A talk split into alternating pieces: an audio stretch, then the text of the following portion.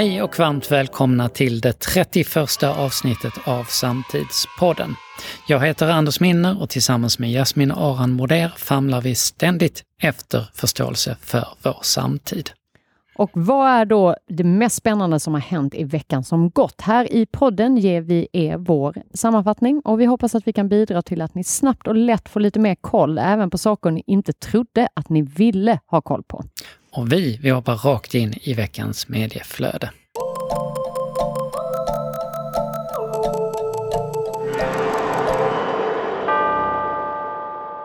Och det är Nobelvecka. Medicinpriset gick till upptäckt av receptorer för temperatur och beröring. Fysikpriset gick till klimatforskning och gömda mönster. Och kemipriset gick till verktyg för att bygga nya molekyler och litteraturpriset. Ja, det vet vi inte än, för vi spelar in det här någon timme innan det tillkännages. Men det ska bli Spännande. superspännande. Ja. Eh, men eh, från litteraturpriset kan man säga att steget är ganska långt, tror vi i alla fall. Ja, möjligen. Till nästa nyheter. Det är från Nordkorea. Och Nordkorea säger sig ha skapat en sprit som inte ger bakfylla. SVT rapporterar att mirakeldrycken ska innehålla en speciell rot som växer i Nordkorea och som inte ska orsaka någon bakfylla eller illamående överhuvudtaget. De kallar den här drycken för en teknologisk och vetenskaplig succé. Och lyssna nu Jasmin, de säger att den här är perfekt för experter och älskare. SVT passar på att fråga, ja, SVT passar på att fråga Systembolaget hur framtiden ser ut här egentligen. Men tyvärr, svenska experter och älskare där ute, beskedet från presschefen Ida Ingre lyder så här. Det är nog inget som Nej. är på väg in. Jasmin, vad tror du? Är det, ja, något, för väldigt... din, är det något för din 50-årsfest? Det, det, är, det är en väldigt intressant eh, grej att lägga tid och kraft och innovation på. Det är inte så att vi inte står inför andra utmaningar i världen, men eh, att man har kommit på det här. Och sen så kan man ju också säga så här, det är ju lite bra med bakfylla, för vi ska ju inte bli så onyktra. Det är kanske inte bra för mänskligheten totalt om det här skulle alltså, vara sant, ju, vilket vi tvivlar lite ja, på. Det, det är så många, vi, det är mycket vi tvivlar på. Och sen undrar jag, vem är experterna och älskarna på detta som skulle älska detta. Det är jätteroligt. Experter är ett konstigt ord i sammanhanget. Ja, det är så roligt. Eh, vi hoppar, jag tänker inte använda det på min 50-årsfest. Eh, vi har heller inte kunnat missa den så kallade Pandora-läckan. Den innehåller minst 200 svenska namn. Läckan avslöjar bland annat hur politiker, miljardärer och kungligheter använder anonyma bolag i skatteparadis för att dölja sina tillgångar. Och bland dessa skattesmitare återfinns Swedish House Mafia oj, som oj. enligt Uppdrag granskning skapat ett brevlådeföretag i skatteparadisets brittiska Jungfruöarna i syfte att äga rättigheterna till gruppens låtar, namn och logotyp. I Sverige så har Mediaakademin återigen publicerat en lista om vem som har mest inflytande på nätet. Och den här listan är en bra väckarklocka för den som lever i en trygg dagstidningsbubbla. Den ser ut så här. Mäktigast på Facebook, Joakim Lamotte, följt av SD. Mäktigast på Youtube, Therese Lindgren, följd av Jocke och Jonna.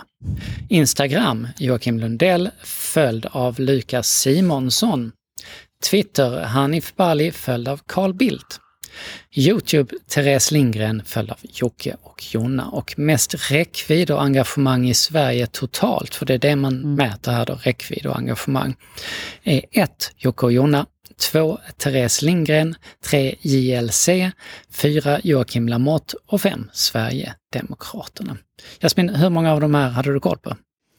Eh, Jocke Jonna och Therese Lindgren, eh, för att det har jag ju hört från mina barn.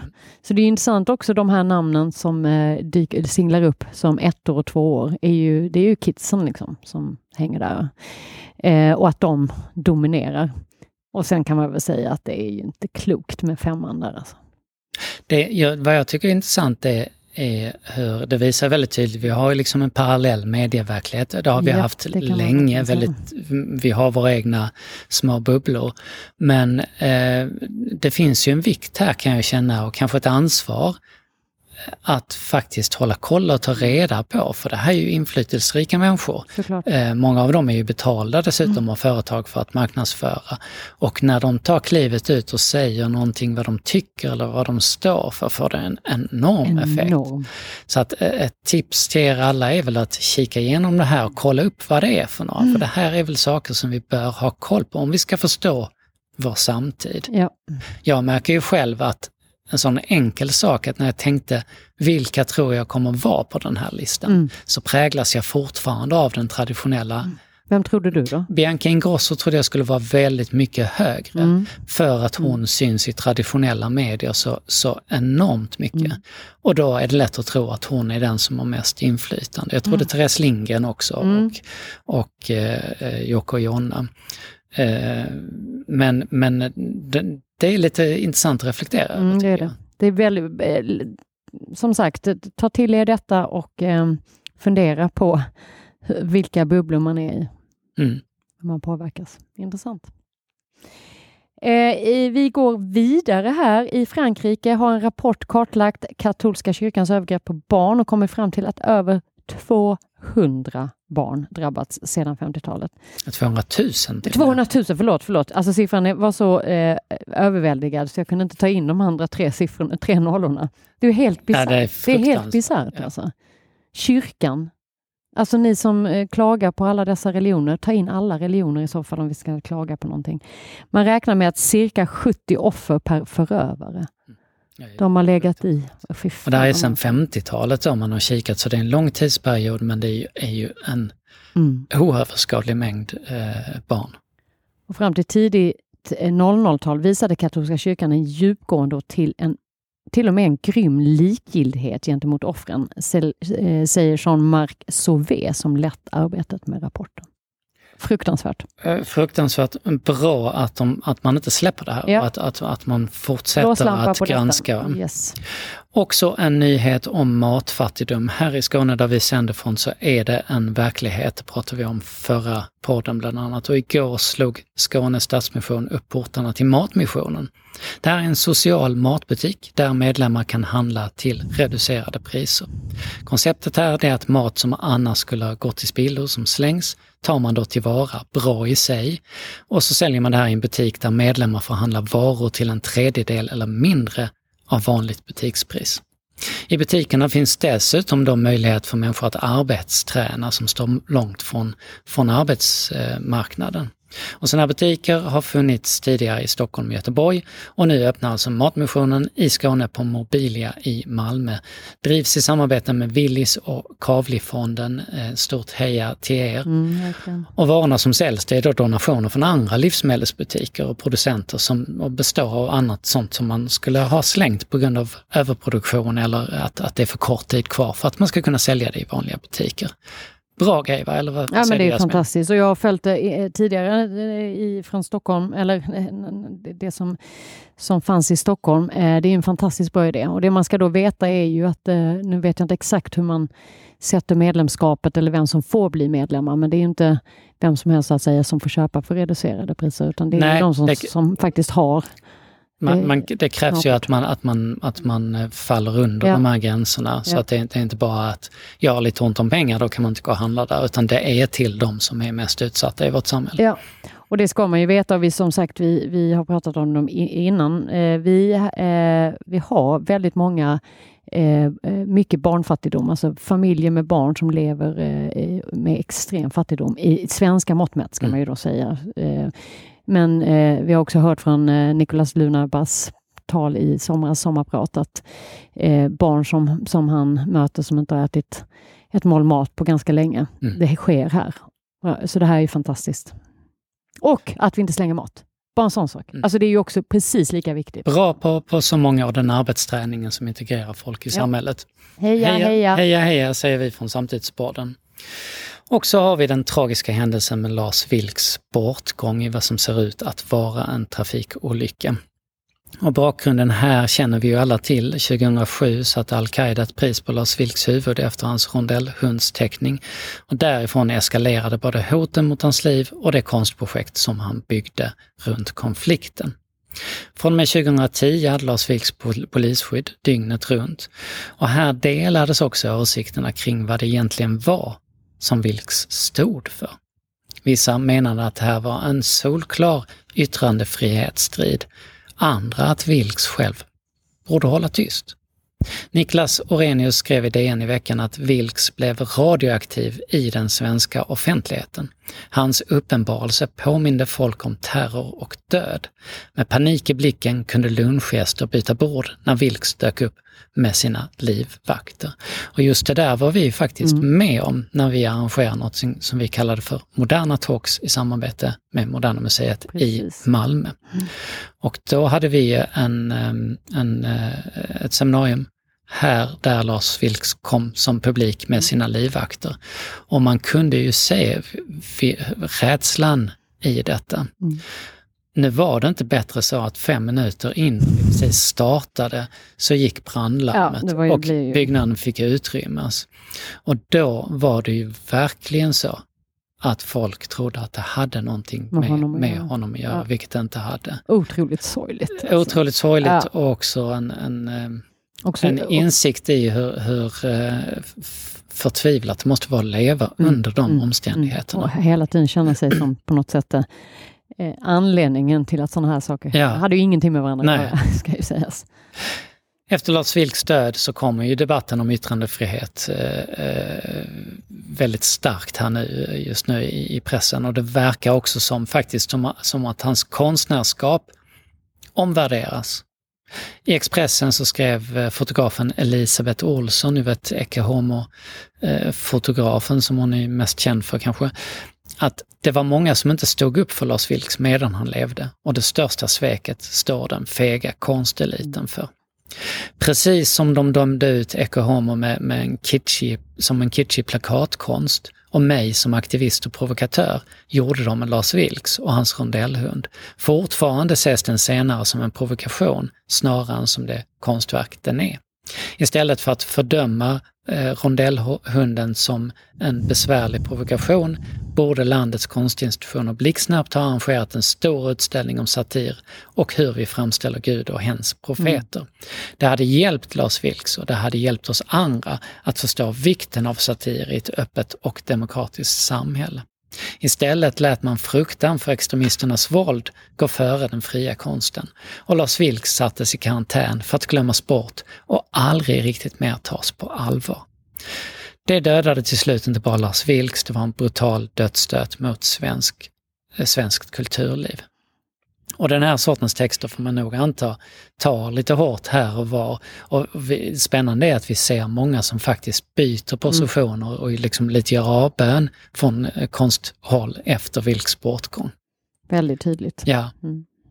Men Lars Vilks förtjänar faktiskt också en annan diskussion och den handlar om just det här konstnärskapet i sig tycker vi. Vi tycker inte att vi ska glömma bort det. Den andra diskussionen kommer att rasa på. Men av den anledningen så har vi bjudit in konstkritikern Linda Fagerström till Samtidspodden. Linda, som också är ordförande i Svenska konstkritikersamfundet, var personlig vän med Lars Vilks och vi tänkte börja med just den här grundfrågan. Vad var Lars Vilks egentligen för typ av konstnär? Han var en konceptuell konstnär eh, och koncept betyder i det här fallet idé. Ehm, så hans konst var idébaserad. Eh, och även om han var utbildad och kunde göra vackra målningar av landskap eller människor och sådär så var det inte den typen av konst han, han arbetade med utan att mm, med, med hjälp av idéer och utgångspunkt i liksom ganska abstrakta tankegångar skapa ofta kontroverser som det ju var i hans fall. Han testade gränser med hjälp av de här idébaserade verken. Kan, kan du säga någonting om, om vilken tradition han verkade i? Liksom var, var, när uppkommer den här, det här sättet att, att vara konstnär på? Man brukar eh, säga att det kommer någon gång på 60-talet. Eh, och Yoko Ono är ju ett sådant känt namn, eh, ett känt exempel på en konceptkonstnär. Hon eh, gjorde ju sig känd för att eh, göra konstverk som var som instruktioner, som kunde vara lite poetiska. Alltså blunda och koncentrera dig, lyssna tills du hör ljudet av hur jorden snurrar runt sin egen axel. Det är ett konceptkonstverk av Yoko Ono. Eh, och, och eh, det kräver att det finns en mottagare av verket, alltså annars så finns det ju inte, annars blir det ju inget. Så, så det bygger, konceptuell konst bygger eh, också väldigt ofta på alltså, ett aktivt deltagande av någon annan. Alltså det går i dialog. Så. Och eh, eh, det är den traditionen som Lars Vilks arbetar. Alltså att, att kasta ut någonting och, och, och, och sen testa hur det landar hos en publik eller hos en betraktare eller någon som upplever det då. Och man kan väl tänka att han var i en mottaglig ålder för detta när, när eh, konceptkonsten börjar att, att göra väsen av sig. Så är han väl i, i 20-årsåldern mm. då? Exakt, de har precis rätt liksom. Och fångas av det här. Mm. Vad, vad, finns det några andra eh, nutida konstnärer som, som arbetar med den här metodiken som vi känner till? Ja, det gör det. Jag skulle säga att nästan alla jobbar, eller inte alla, men det är väldigt många som jobbar så nu. Alltså man brukar förknippa eh, konceptkonstens eh, födelse eller utbredning med eh, samtidskonsten. Alltså det är, det är ganska vanligt om man... Alltså i konsthistorien så brukar man säga att 1960-talet det är samtidskonst. Eh, man förknippar det också med begrepp som postmodernismen, alltså när konstnärer börjar ifrågasätta de traditionella teknikerna som skulptur eller måleri och grafik och sådär och istället gör någonting annat. Då. Och det är ju någonting vi lever i fortfarande. Alltså samtidskonsten är fortfarande konceptbaserad. Även om du är målare så har du ofta ett slags konceptuellt förhållande till eller en konceptuell ingång till eh, ditt måleri. Ehm, så att liksom, efter att den vändningen inträffade så går det liksom inte att backa. Det, alltså den insikten som, som konceptkonsten förde med sig den, den kan vi inte eh, glömma bort nu utan vi lever liksom i det förhållningssättet fortfarande. Så att man kan säga att eh, allt det här med att göra installationer eh, som vi ser på vilken konsthall som helst av vilken konstnär som helst nästan nu för tiden eh, är ju också såklart alltså, ett barn av den tiden. Mm. Att en konstnär påstår att här placerar jag en flygel och lite rullar med ylle och en burk med fett. Det är en installation som jag kallar eh, Mamma. Eh, och det är ett konstverk. Joseph Beuys till exempel jobbar på det viset, eh, tysk konstnär. Det känns ju ofta som att den här typen av konstnärer är, är lättare att tycka om i efterhand. Konstnär som eh, Lars Vilks? konstnärer som Lars Vilks eh, förstod samtiden hans konstnärskap? Alltså, I Sverige tror jag inte riktigt det. Eh, internationellt mer så. Och då menar jag alltså inte den uppmärksamhet han fick eh, genom rondellhundsteckningen. Utan eh, Nimis, som ju är kanske hans mest kända konstverk innan rondellhunden. Eh, den här stora drivvedsskulpturen eh, på Kullaberg som han ju har byggt på kontinuerligt sedan 70-talet. Ehm, den, ehm, den var, eller den är också konceptuell fast den är så väldigt påtagligt eh, konkret. Men, men eh, nej, Anders påminn mig, vad var det du frågade om? Att, att, om, om, om samtiden förstod hans konstnärskap? Just det, vad jag skulle säga att den skulpturen var det många som tyckte sig förstå. Alltså vi är många som har varit och klättrat på den som barn och vuxna också för den delen. Ehm, och, och, ehm, men, men när myndigheterna då Alltså Länsstyrelsen började då kräva att han skulle riva skulpturen för den är ju då byggd i ett Eh, Eh, naturreservat så sålde han ju skulpturen till Christo och Jean-Claude. Det här konstnärsparet som ju gjorde sig kända för att svepa in saker, byggnader till exempel. Ehm, och just nu faktiskt så har ett av deras konstverk realiserats i Paris. Eh, triumfbågen är insvept just nu trots att bägge konstnärerna numera inte längre lever. Men han sålde hela Nimis till Christo och Jean-Claude. Så när Länsstyrelsen kom och ville föra processer mot Lars Vilks så kunde han ju bara säga nej tyvärr det är inte jag som äger verket. Och Christo Jean-Claude är sådana megastjärnor internationellt. Eh, så att de förstod ju vad han höll på med och de stöttade hans arbete och han hade ju nog ett, en större förankring liksom i den internationella konceptuella rörelsen. Den var alldeles så stor i Sverige. Mm. Så att här tror jag att, att vi, han betraktades kanske lite väl mycket som en stolle. Eh, och, och inte som en seriöst arbetande konstnär, vilket han ju var. Mm. Jag tänker också att, att vår tid som är så polariserande den här tykonomin, alla tycker, den som tycker mest är den som, som eh, tycker bäst. Eh, snabbt uppblossande drev i sociala medier. På ett sätt är det en ganska bra mark för en konst som kräver reaktioner att fungera och en konst där reaktioner ingår i, i själva konstverket. Och samtidigt så är det ju också en, kanske en dålig tid för reflektioner och eftertanke. Eh, vilket jag tänker att den här typen av konst också kräver, för annars blir det ju bara ett liksom ilsket eh, effektsökeri. Eh, vilket utrymme har vi i samtiden för den här typen av konstnärskap? Det känns som att det både ger en bra grogrund för det men samtidigt så är det väldigt mycket som talar för att, att, eh, att vi inte får den här diskussionen efter reflektionen. Hur, hur tänker du där? Mm. Jo, jag tänker på att i dagarna så är det ju en dansk konstnär som har eh, diskuterats världen över som eh, har gjort ett konstverk som heter Take the money and run. Just det, det tog vi upp i förra avsnittet av Samtidspodden. Ja, förra precis. så att våra mm, lyssnare mm. känner till detta. Precis, jo men jag också. Eh, och, och ehm, eh, eftersom jag lyssnade. Och de, eh, ja, där handlade det ju då om att han bad om pengar på förväg från ett konstmuseum och, och, och sen så bara tog han pengarna och stack. Och det är ett väldigt tydligt konceptuellt konstverk som arbetar precis i samma anda som Lars Vilks. Men jag tänker, Lars Vilks då när han började så han gjorde ju sådana här konceptuella konstverk till exempel som att han försökte sälja Höganäs kommun, som är hans hemkommun då. Eh, han tog 500 kronor för det. Eh, och ett in bra pris! Ja, det är det är ett bra, bra. pris. Mm. Han satte in sådana annonser i tidningen. Det, var, det här är långt innan internet då, så man kunde liksom inte annonsera på nätet. Utan då satte man in sådana försäljningsannonser i tidningen. Om man vill sälja en, sin gamla bil eller om man ville köpa eh, en häst eller vad som helst. Och då så satte han in en annons eller flera gånger gjorde han det här då och sa Höganäs kommun till salu 500 kronor. Och på den tiden eh, så skapade det uppmärksamhet och folk eh, reagerade. Men hade, hade någon gjort så idag så vet jag knappt om någon hade reagerat. Alltså, det, det är ju på det, det som på den tiden var ett normbrott och en provokation. Det, det är ju inte det längre. Va? Så att, eh, och det är samma sak med Yoko Ono. Eh, många av hennes verk uppfattades som vansinnigt provokativa då men hade kanske knappast gjort det idag.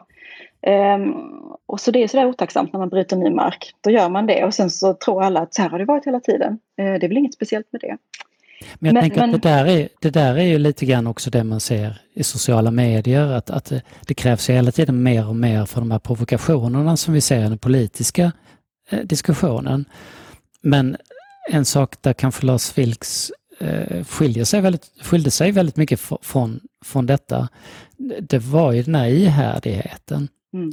Att han inte, han höll ju, han släppte inte sina eh, rondellhundsverket eh, eller hur man nu ska betrakta det. Det bara fortsatte och det är ju väldigt otidstypiskt egentligen att inte släppa någonting. Mm. Ja, alltså han... Men vad skulle han göra? Det var ju till slut inte riktigt han som styrde eh, längre. Så att även om han hade velat hoppa av så hade han ju nog inte kunnat göra det. Um, men, men det hade också brutit mot hans konstsyn för han menar att en konstnärs arbete är att kasta fram någonting uh, och sen så ser man hur, hur reaktionen blir.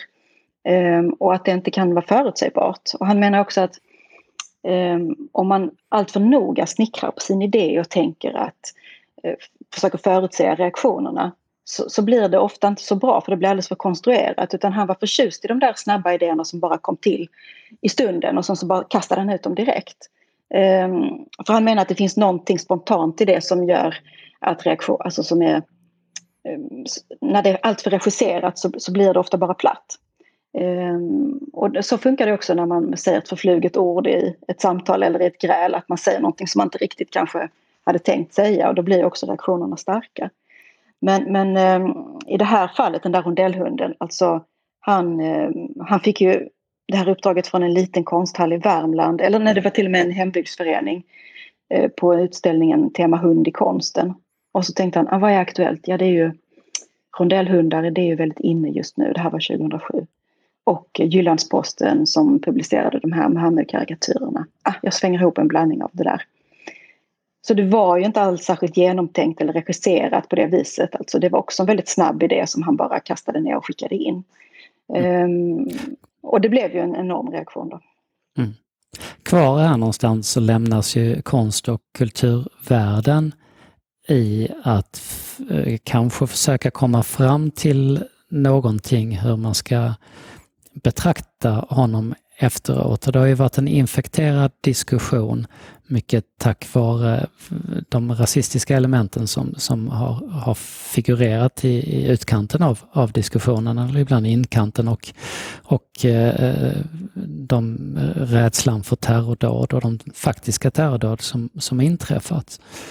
Tror du Linda att, att man kommer att komma fram till någonting eller är det här en diskussion man kommer att släppa för att, det kan, eh, för att den är väldigt svår och och folk har tagit väldigt starka positioner som vissa av dem kanske ångrar i efterhand? Det, jag tror det kommer att spela väldigt stor roll eh, för hur det går med eh, utredningen. Alltså när vi får reda på om det var en olycka eller inte. Eh, för om det, om det framkommer att det var eh, mord så är det ju, då är det ju helt enkelt någon som har, har eh, dött för, för sin konst. Och det är klart att då, då, då är det ju ändå ett annorlunda ljus jämfört med om det var en ren olycka. Det tror jag. Mm. Det, jag menar, det är helt omöjligt att bortse från den, den aspekten. Um, men men uh, jag, jag, tror att det finns, att sannolikheten är ganska stor att, att um, alltså det är lättare att tycka om någon som inte längre lever för då, då den personen är ju den är inte oförutsägbar längre. Alltså det är det som är det besvärliga med någon som fortfarande kan ställa till besvär. Alltså att man, man, man det är svårt att säga jag, jag gillar Lars Vilks och sen nästa vecka kanske han gör någonting som jag inte gillar. Alltså det är alltid en fara i det. Ehm, men, men nu är ju verket och övret och personen liksom avslutad och då är det ju såklart alltid lättare att förhålla sig till det.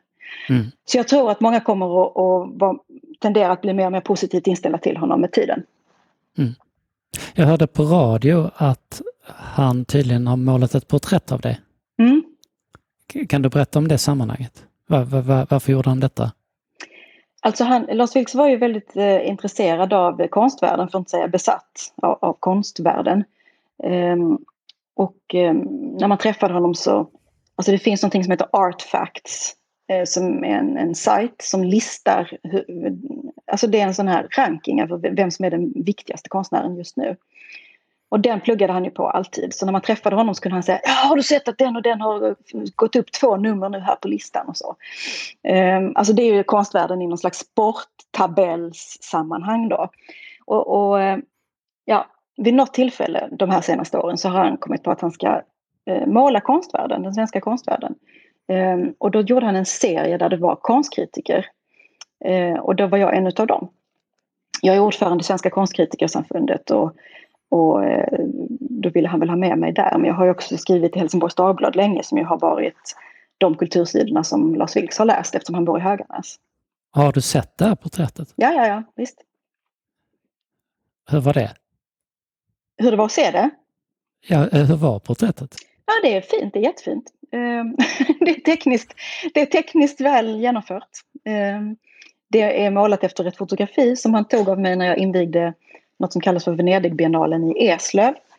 Ehm, som då är en biennal som sker vid Kanalgatan i Eslöv. Där, därför kallar de den Venedigbiennalen Ehm, där eh, mikronationer bjöds in att ställa ut. Och Lars Vilks hade ju Ladonien, eh, den här mikronationen.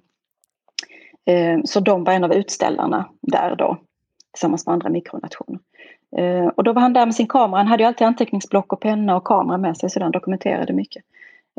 Så då fotograferade han mig och sen har han målat ett porträtt utifrån de bilderna. Och, och avslutningsvis Linda, Ladonien är väl en sak som, som möjligtvis kommer att leva kvar? Absolut, absolut. Ehm, det finns ju en hel räcka med ministrar och eh, vad de nu kallar sig för ehm, som, som, eh, som är en slags förening då helt enkelt. Man kan lösa medborgarskap. Det finns ju en minister, en minister för hopp till exempel. Och det kan man ju behöva ehm, nu kanske då. I dessa tider. Mm, mm. Linda, stort tack för att du var med i Samtidspodden. Det var jättekul att vara med. Tack själv.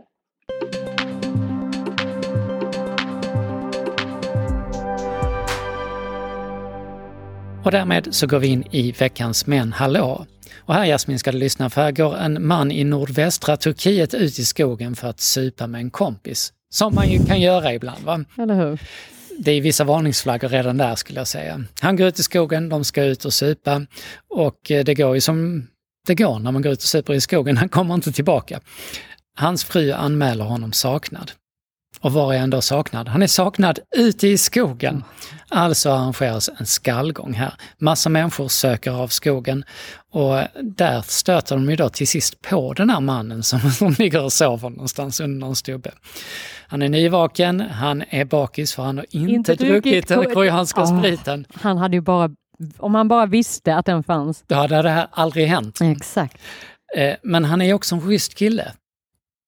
Innerst inne så är han det. Så, för någon är ju saknad i skogen. Han märker ju det, det är skallgång. Så han hoppar med i skallgångs... Åh, och han går mer än en halvtimme helt... och söker efter sig själv. För han vet inte vem. Letar efter sig Han letar efter sig själv. Och först efter en halvtimme, då börjar de andra att ropa hans namn. Oh. Och då tänker han, varför ropar de mitt namn? Herregud, jag letar efter mig själv.